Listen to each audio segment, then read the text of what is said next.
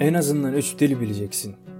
En azından üç dilde canımın içi demesini, kırmızı gülün alı var demesini, nereden inceyse oradan kopsun demesini, atın ölümü arpadan olsun demesini, keçiyi yardan uçuran bir tutam ottur demesini, insanın insanı sömürmesi rezilliğin dik alası demesini, ne demesi be, gümbür gümbür gümbür demesini becereceksin. En azından üç dil bileceksin. En azından üç dilde ana avra dümdüz gideceksin. En azından üç dil. Çünkü sen ne tarih ne coğrafya, ne şusun ne busun. Oğlum Mernuş, sen otobüsü kaçırmış bir milletin çocuğusun. Evet, girişi Bedri Rahmi'nin üç dil şiiriyle yapmak istedim. Çünkü dil üzerinde etkili olduğunu düşündüğüm ve dilin önemini e, güzel bir biçimde anlattığını düşündüğüm bir şiir. Evet, bugün gördüğünüz üzere dil ve lisandan bahsedeceğiz. Hazırsanız Katarsis Podcast başlıyor.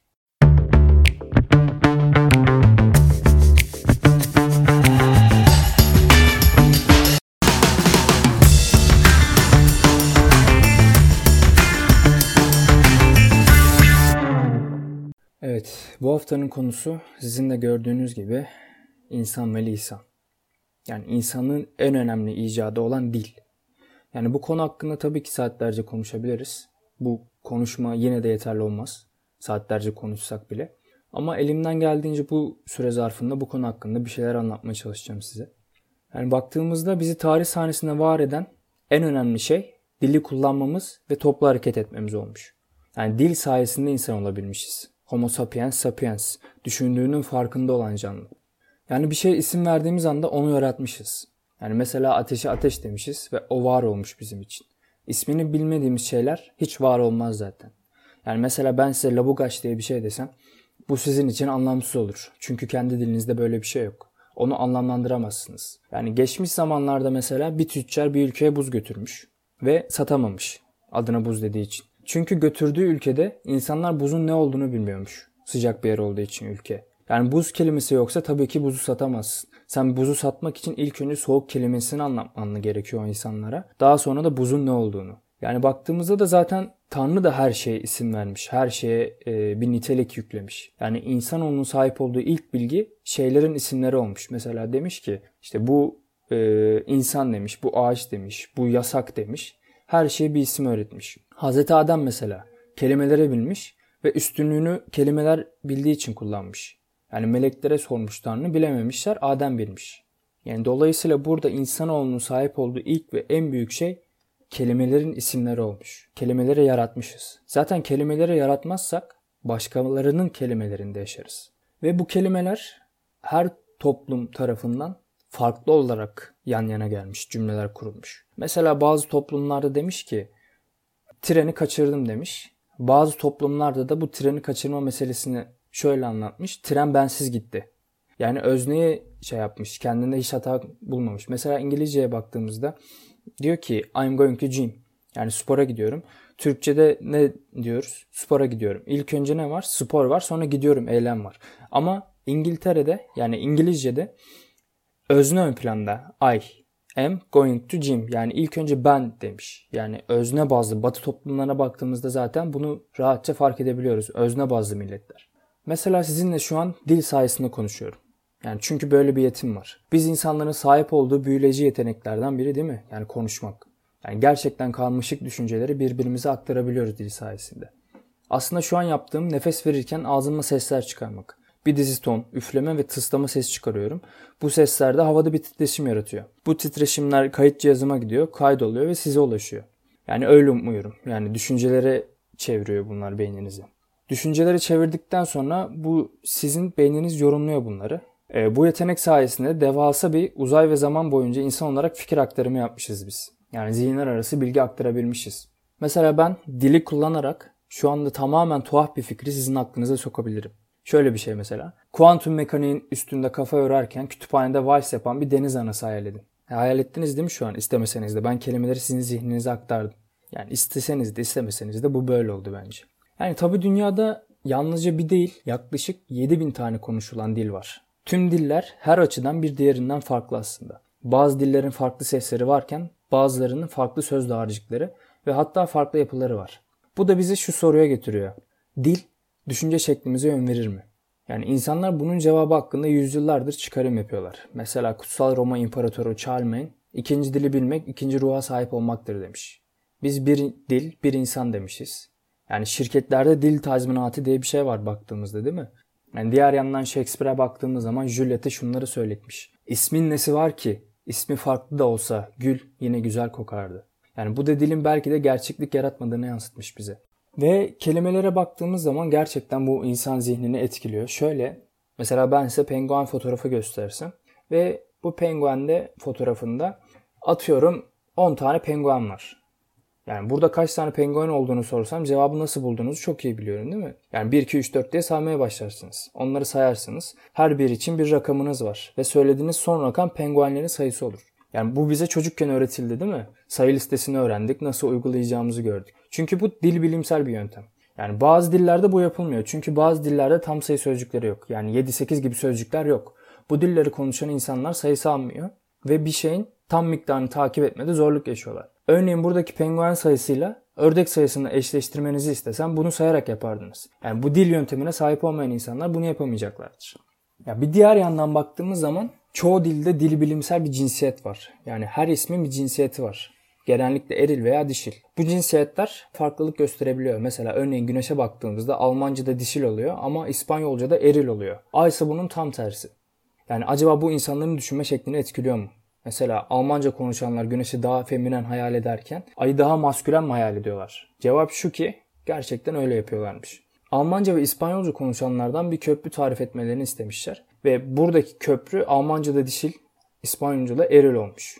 Almanca konuşanlar muhtemelen güzel ve şık diye tarif etmişler. Basma kalıp feminen sözcüklerle. İspanyolca konuşanlarsa dayanıklı ve uzun gibi maskülen sözcükleri kullanmışlar bunda. Yani dil ve e, onu yüklediğimiz anlamlar bizim düşünce şeklimizi etkiliyor. Mesela Türkçe'de yok böyle bir şey. Kelimelerin cinsiyetleri yok. Yani dil bilimsel çeşitliliğinin güzel yanı şu. İnsan aklının ne kadar maharetli ve esnek olduğunu gösteriyor bize. Yani bir değil tam 7000 tane bilişsel dünya yaratmışız. Dünyada 7000 tane konuşulan dil var. Yani daha fazlasını yaratabiliriz. Çünkü diller yaşayan şeyler ve ihtiyaçlarımıza göre şekilleniyorlar. Yani kültürümüzü şekillendiren sosyal dönüşümlerin aynı şekilde insanın düşünce kodlarını değiştirdiğini görüyoruz baktığımızda. Yani bir kültürün yazma eserleri insanın düşüncesinin arkeolojik kayıtları ve kalıntıları oluyor aynı zamanda. Mesela şu an herkes yani çoğu kişi değil Twitter kullanıyor, e-posta kullanıyor. İster istemez en küçük örneğiyle WhatsApp'ta konuşuyoruz değil mi? Birbirimize mesajlar yazıyoruz. Bilim adamları bir deney yapmışlar ve demişler ki biz bu kullandığınız sözcüklerden sizin akıl hastalığınızı tahmin edebilir miyiz? Yani şöyle bir deney. Bunu şizofreni riski yüksek 34 gencin konuşma kayıtlarını inceleyerek yapmışlar. Yaptıkları şey şu aslında. Önce konuşma şekline dikkat etmişler. Sonra da konuşmanın niteliklerinin yaklaşık 3 yıllık bir zaman dilimi içinde psikoz gelişimi öngörüp göremeyeceklerini araştırmışlar. Fakat umduklarının aksine hata üstüne hata yapmışlar. Yani anlam bilimde zihnin gelecekteki düzenini öngörecek tam olarak yeterli bilgi bulamamışlar bir grup şizofren ile kontrol grubunu ayırmak için yeteri kadar iyi olmuş bu. Yani tarihi metinlere yaptığımızın bir benzeri olmuş aslında. Fakat muhtemel psikoz başlangıcını öngörmek için yeterli olmamış. Sonra şunu fark etmişler. Belki de önemli olan şey ne söyledikleri değil, söyleme şekilleri. Yani daha açık konuşursak, kelimelerin hangi anlamsal grupta olduklarını değil, bir anlamsal gruptan diğerinin ne kadar uzağına ve ne kadar hızlı geçtikleri önemli olmuş. Yani böylelikle anlamsal tutarlılık dediğimiz şeyi yaratmışlar. Yani öncelikli olarak konuşmanın sürekliliğini anlam bilimsel bir başlık dahilinde yaratmışlar ve bu kategori içinde kriterlere ulaşmışlar. 34 kişilik grupta anlamsal tutarlılığa dayanan işlemin %100 doğrulukta kimde psikoz oluşturduğunu veya oluşturmayacağını öngörmüşler. Yani bu mevcut klinik ölçümlerle değil deneyle başarılmış. Yani bu örnekte de gördüğümüz gibi hepimiz sezgileri paylaşıyoruz. Bunu yaparak ileride yazdığımız, söylediğimiz kelimelerin nesnel, niceliksel ve otomatikleştirilmiş analizini baz alarak çok farklı bir akıl sağlığı türü görebiliriz. Yani bunu kullanmışlar. Demişler ki mesela bugün kullandığımız kelimeler acaba zihinlerimizin birkaç gün, birkaç ay ya da birkaç yıl sonra nerede olacağını gösterebilir mi? Bu dönem bunun bir örneği. Tabi buraya derin bir soru işareti bırakılabilir. Aslında dilimizi bir bakıma da başkasının beyninin içindeki düzenekleri değiştirerek kendi ilgilerimizi uydurmak amacıyla kullanıyoruz. Yani bir nevi dillerimiz genlerimizin konuşması oluyor. Onların isteklerini karşılamak için. Bugün biliyoruz ki dil gerçekten yıkıcı bir güce sahip. Yani yüzyıllar boyudur sansür, okuyamadığınız kitaplar, kullanamadığınız sözcükler ve söyleyemediğiniz kelimeler olmuştur değil mi? Yani mesela örneğin e, İncil'de bir hikaye var. E, Babil Kulesi hikayesi. Bu dilin gücü hakkında çok ünlü ve uyarıcı bir hikaye olduğu söyleniyor. Hikayeye göre eski insanlar öyle garip bir fikir geliştirmişler ki dillerinin gücünden yararlanarak birlikte çalışıp eğer bir kule yapabilirlerse bu kulenin onları cennete ulaştıracağına inanmışlar. Ve Tanrı bu girişimi kendi gücüne karşı tehdit olarak görüp kızmış ve kuleyi tahrip etmiş. Sonrasında da bir daha asla yeniden yapılmasın diye insanlara farklı diller vererek yani farklı diller yoluyla onların kafası karışsın diye onları dağıtmış. Ve bu da harika bir hicive yol açmış. Hatta bugün bile biliyoruz ki kullanmadığımız kelimeler var, söyleyemediğimiz sözcükler var. Çünkü biz bunlara yaparsak sözlü saldırıya uğrayabilir, hapse atılabilir ya da hatta öldürülebiliriz değil mi? Ve bütün bunlar ağızlarımızdan çıkan bir parça hava dolayısıyla olur. Yani baktığımızda da bu e, söyleyemediğimiz sözcükler oluyor ya. Aynı zamanda bunu söyleyenler oluyor mesela. E, kime örnek verebiliriz? Mesela Goebbels, Malcolm X yani siyasetçiler.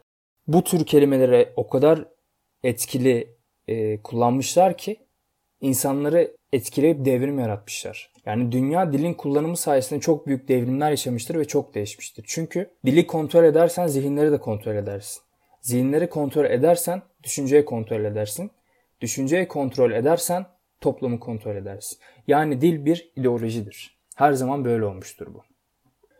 Yani dünya bilebildiğimiz tüm zamanlara ve hatta 1000-2000 yıl öncesine kıyasla çok büyük oranda değişmiştir değil mi? Bu aslında kültürel adaptasyonu ve sosyal öğrenmenin bir sonucu olmuştur. Yani birçok yorumcuya göre kültürel adaptasyon birikimi sosyal öğrenme yani hikayenin sonu olmuştur. Bizim türümüz Homo sapiens sapiens dediğimiz şey her şey yapabilir. Bundan dolayı da hiçbir canlı türün yapamadığı şeyleri yapmıştır. Ama gerçekte 200 bin yıl kadar öncesine gittiğimizde önce türümüz ayakları üzerinde dikildi ve sonra sosyal öğrenme özelliğini kazandı. Bu hikayenin başlangıç kısmı sonu değil. Sosyal öğrenme özelliğini kazanmamız sosyal ve evrimsel bir ikilem yaratabilirdi bize. Onun çözümü yani doğru söylemek gerekirse sadece psikolojimizin gelecekteki gelişimini değil fakat tüm dünyanın gelecekteki gelişimini belirleyebildi. Yani örneğin ben sizi seyrederek öğrenebiliyorsam sizin en iyi düşüncelerinizi çalabilir ve onları geliştirirken sizin harcadığınız zamanı ve enerjiyi kullanmadan sizin çabalarınızdan faydalanarak bunları yapabilirim, bunları başarabilirim. Yani eğer daha iyisini yapabilmek adına sizin balık yakalarken hangi yemi kullandığınızı seyredersem ya da baltığınızı nasıl pul pul yonttuğunuzu seyredersem ya da gizlice sizin mantar ektiğiniz yere kadar izlersem sizin bilginizden ve bilgeliğinizden, becerilerinizden yarar sağlarım. Belki de balığı sizden önce yakalayabilirim.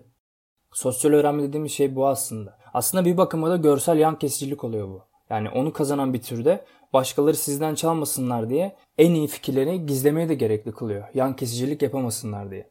Yani bundan dolayı 200 bin yıl kadar önce bizim türümüz bu krizle yüzleşti. Bu görsel yan kesicilik krizinin getirdiği çatışmalarla yüzleşmede gerçekten sadece iki seçeneğimiz olmuş bizim. Seçeneklerden birisi ufak aile grupları şeklinde birlik olmaktı. Yani böylelikle fikirlerimiz ve bilgilerimiz sadece akrabalarımıza geçerdi. Yani 200 bin yıl önce bu seçeneği seçmiş olsaydık hala 40 bin yıl önce Avrupa'ya geldiğimizde Neandertallerin yaşadığı gibi yaşıyor olurduk. Ve bu küçük grupların içinde fikirlerin yeniliklerin daha soylu olmasından dolayı böyle olur. Yani küçük gruplar kazalara ve talihsizliklere her zaman daha açıktır. Eğer gerçekten bu yolu seçseydik evrim yolumuz ormanda sonuçlanırdı ve gerçekten kısa sürerdi. Yani diğer yol ne olmuş seçebileceğimiz fikirlerimizi ve sistemi geliştirmek, bunları paylaşmak ve işbirliği yapmak. Yani böyle bir seçeneği seçmenin anlamı geniş ölçüde birikim göstermiş, e, bilgiden ve akıldan kişilerin bir ailenin içinde olma nedeniyle yararlanacağının ötesinde ya da kendi başına yaşayan bir kişinin yararlanacağı şekilde faydalanması olurdu. Biz ikinci seçeneği seçtik ve bunun dil sayesinde başardık değil mi? Dil bir anda da görsel yan kesicilik krizinin çözümü için evrimleşmiş aslında. Baktığımızda sosyal teknolojinin bir bölümü olmuş değil mi? İşbirliğinin faydaları yoğunlaşsın diye evrimleşmiş. İşte e, anlaşmalara ulaşılsın, pazarlıklar yapılsın, aktivitelerimiz koordinasyon içinde olsun diye gelişmiş. Ve bunu görebilirsiniz. Dil kazanımının henüz başındaki gelişmekte olan bir toplumda dile sahip olmamak, kanatları olmayan bir kuş gibi olmak demektir. Yani kanatların hava tabakası içinde açılması nasıl kuşa bir yarar sağlıyorsa, Dil de insanların yararına işbirliği alanlarını açmıştır. Ve biz bunun sonucuna e, imtiyazlı biçimde ulaşmışız değil mi? Çünkü biz dile sahip bir türüz. Mesela şöyle düşünün. Dile sahip değiliz ve bir şekilde iletişime girmemiz gerek. Yani senaryoyu canlandırın bir gözünüzde. Bir gün ok başlarımızı alıyoruz. Yani iyi konuşamayan ve iletişime giremediğimiz birinin yanına gidiyoruz. Ok başlarımızı e, ok haline getirmek için ticaret yapacağını umarak önüne yığınla koyuyoruz oklarımızı, kendi yaptığımız okları. Fakat o iletişim kuramadığımız kişi okları anlayamadığı için ne yapmamı istediğini onları alıyor gidiyor hediye olarak düşünüp. Yani gülümsüyor. Şimdi biz el kol hareketiyle onun peşinden koşuyoruz değil mi? Hani ne yapıyorsun sen işte benim oklarımı getir vesaire vesaire. O da bir tehlike olarak algılıyor biz işte el kol hareketi yapınca. Boğuşma başlıyor bizim aramızda. Yani kendi başımıza yaralanıyoruz hiçbir şey yokken. Şimdi sahneyi yeniden düşünelim. Dili kullanma becerimiz var ve iletişime girebiliyoruz. Ok başlarını yere koyduk ve dedim ki işte ben bu okların başlarının bitmiş ok haline gelmesini istiyorum. İşte kazancımın seninle %50-50 bölüşeceğim. İletişim kurduğum için bunu anlattım ve anlaştık. Karşımdaki kişi de bana dedi ki tamam bana uyar öyle yapalım. İkimiz de karlı çıkarız. Böylece amacına ulaştı değil mi? Her iki tarafta karlı çıktı bu işten. Yani dil ve iletişim bu yüzden önemlidir. Bizim dili kullanmamız sadece işbirliği için değil, işbirliği grupları etrafında çember çizmemiz ve kimlikler inşa etmemiz amacıyla da gerekli. Aslında belki de bilgimizi, bilgeliğimizi ve yeteneklerimizi dışarı sızmaktan korumak için bir dil inşa ettik biz. Hani belli topluluklar kendi aralarında belli bilgileri keşfetti. Ve dediler ki bu bilgiler bizden dışarı çıkmasın bir dil inşa edelim. İşte atıyorum bu Türkçe olmuştur. İngilizce olmuştur. İspanyolca olmuştur. Adına her ne derseniz. Değinmek istediğim diğer bir konu ben şu an konuşurken sizlerin beyinlerinde olan şey. Etki. Bu etkiye sinirsel etkilenme, sinirsel kenetlenme demişler. Yani size tamamıyla aynı fikirleri çok farklı kelimelerden oluşan iki ayrı biçimde söylesem beyin tepkileriniz yine aynı olacaktır. Hatta bunu test etmek için bilim adamları laboratuvar deneyi inşa etmişler. İngilizce bir hikaye almışlar ve Rusça'ya çevirmişler. Ee, şimdi tamamıyla aynı anlamı veren iki ayrı sese söz dizimine sahip olmuşlar. İngilizce hikaye İngiliz dinleyicilere, Rus hikayede Rus dinleyicilere e, dinletmişler. Tepkileri de gruplar halinde kıyaslamışlar. Bunu yaparken duyma kortekslerinde benzer tepkileri görmemişler. Çünkü dil ve sesler oldukça farklı olmuş. Bununla birlikte yüksek seviyedeki alanlarda tepkilerin iki grupta da aynı olduğunu gözlemlemişler. Yani hikaye bittikten sonra doğrulattıkları üzere bunun iki gruba da hikaye benzer şekilde anlamasından kaynaklandığını inanmışlar. Kelimeler farklı olsa da kelimelerin işte o yaptıkları nüanslar farklı olsa da anlam aynı olduğu için aynı hazzı vermiş onlara. E, buraya kadar e, sizlere dinleyenin beyinde ne olduğundan ve beyninizde konuşmaları dinlerken olanlardan bahsettim. E, peki konuşanın beyinde ne oluyor? Yani ben size konuşurken benim beynimde neler oluyor? Bunun için de ayrı bir deney yapmışlar ve konuşanın beynine bakmak için konuşandan tarayıcıya girmesini istemişler. Beynini taramışlar ve beyin tepkilerini hikaye dinleyenlerin beyin tepkileriyle karşılaştırmışlar. Şunu unutmamak gerekir ki konuşmayı üretmek ve konuşmayı anlamak birbirinden oldukça farklı süreçler. Yani burada asıl soru şu olmuş. Ne kadar benzerler? Deneyin sonunda görmüşler ki dinleyenlerin tüm bu karışık modelleri aslında konuşanın beyninden gelmekte. Yani şöyle, e, üretim ve anlama oldukça benzer süreçlere dayanmış. Keşfetmişler ki dinleyenin ve konuşanın beynindeki benzerlikler ne kadar güçlü olmuşsa iletişim o kadar iyi olmuş. Yani biliyorum eğer şu anda kafanız karışmışsa ki böyle olmamıştır umarım. Beyin tepkileriniz benimkinden oldukça farklıdır. Ama yine biliyorum ki beni anlıyorsanız şu an o zaman beyniniz, beyin e, aktiviteniz benimkine oldukça benziyor yani. Bir başka deneyde de hayatlarında ilk defa e, Sherlock dizisini izleyen insanların beynini taramışlar. Sonra onlardan tekrar tarayıcıya girerek daha önce izlememiş bir başka kişiye filmi anlatmalarını istemişler. Demişler ki işte şu sahneyi düşünün mesela. Sherlock Londra'da aradığı katil tarafından kullanılan bir taksiye biniyor. Düşündünüz mü? Hayal edebildiniz mi yani bu sahneyi? Yani bir izleyici olarak e, izlerken beynimizde özel kalıplar oluyor. Yani şimdi tamamen aynı kalıbı Sherlock, Londra katil diyerek tekrar canlandırabiliyoruz mesela. Ben bu kelimeleri sizin beyninize aktarırken de siz yeniden yapılandırmak zorunda kalıyorsunuz mesela. Aslında bu kalıbın şu anda beyinlerinizde oluştuğunu görüyoruz. Yani Sherlock, Londra ve taksi deyince bu kalıp sizin beyninizde oluştu. Denekler filmi izlerken de aynı kalıpları görmüşler. Yani bu sizlere nasıl hikaye anlatabilmemizi, aktarmamızı e, sağlayan mekanizmayı açıklıyor aslında. Gerçekten dikkatlice dinliyorsunuz ve anlamaya çalışıyorsunuz. Yani biliyorum kolay olmuyor pek fazla ama Ancak e, umuyorum ki konuşmada bir noktada tuşa bastık diyelim ve siz bunu anladınız. Yani belki de birkaç saat, birkaç gün, birkaç ay sonra başka biriyle bu konuşmadan bahsedince o da sanki bir konuşmayı dinlemiş gibi olacak. Yani gördüğünüz gibi bu mekanizmayı alıp insanlar arasında hatıra ve bilgi transfer etmek için kullanabiliyoruz. Ne kadar ilginç değil mi? Yani şu an bence en can alıcı yere değineceğim. Bir hikaye kuralım mesela. Hikayede diyelim ki işte bir partide eşini kaybeden bir adam en iyi arkadaşını arasın ve karımı gördün mü diye sorsun. Daha sonra da e, işte deneklere diyelim ki işte yarısına karısı karısının kocasının en iyi arkadaşıyla ilişki yaşadığını söyleyelim mesela. Diğer yarısına diyelim ki eşi çok sadık ona ama kocası çok kıskanç olduğu için böyle bir şey düşünüyor. Bu deneyi yapmışlar ve şunu görmüşler.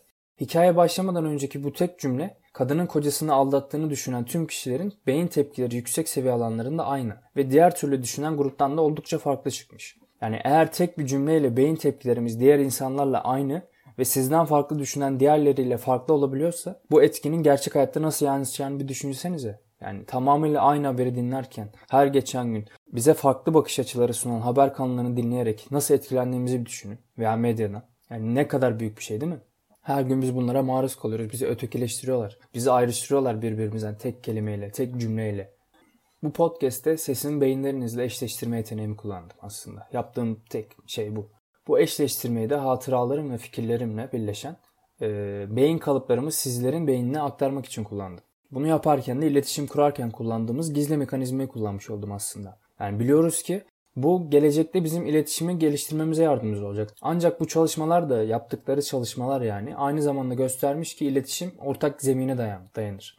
Toplum olarak gerçekten endişelenmemiz gereken an bu ortak zemine ve bizden farklı düşüncelerle e, konuşma yeteneğimizi, mikrofonu ve düşünme şeklimizi kontrol edebilen birkaç güçlü medya kanalı yüzünden kaybettiğimiz zaman yaşayacağız biz bunu. Yani bu nasıl düzeltilir bilmiyorum. Çünkü ben sadece toplum için basit bir bireyim. Yani belki de bunu düzeltmenin bir yolu daha doğal halimiz olan diyaloğa dönmek. Yani burada ben sadece konuşan değil hem konuşan hem dinleyen olduğum konuşmanın daha doğal hali.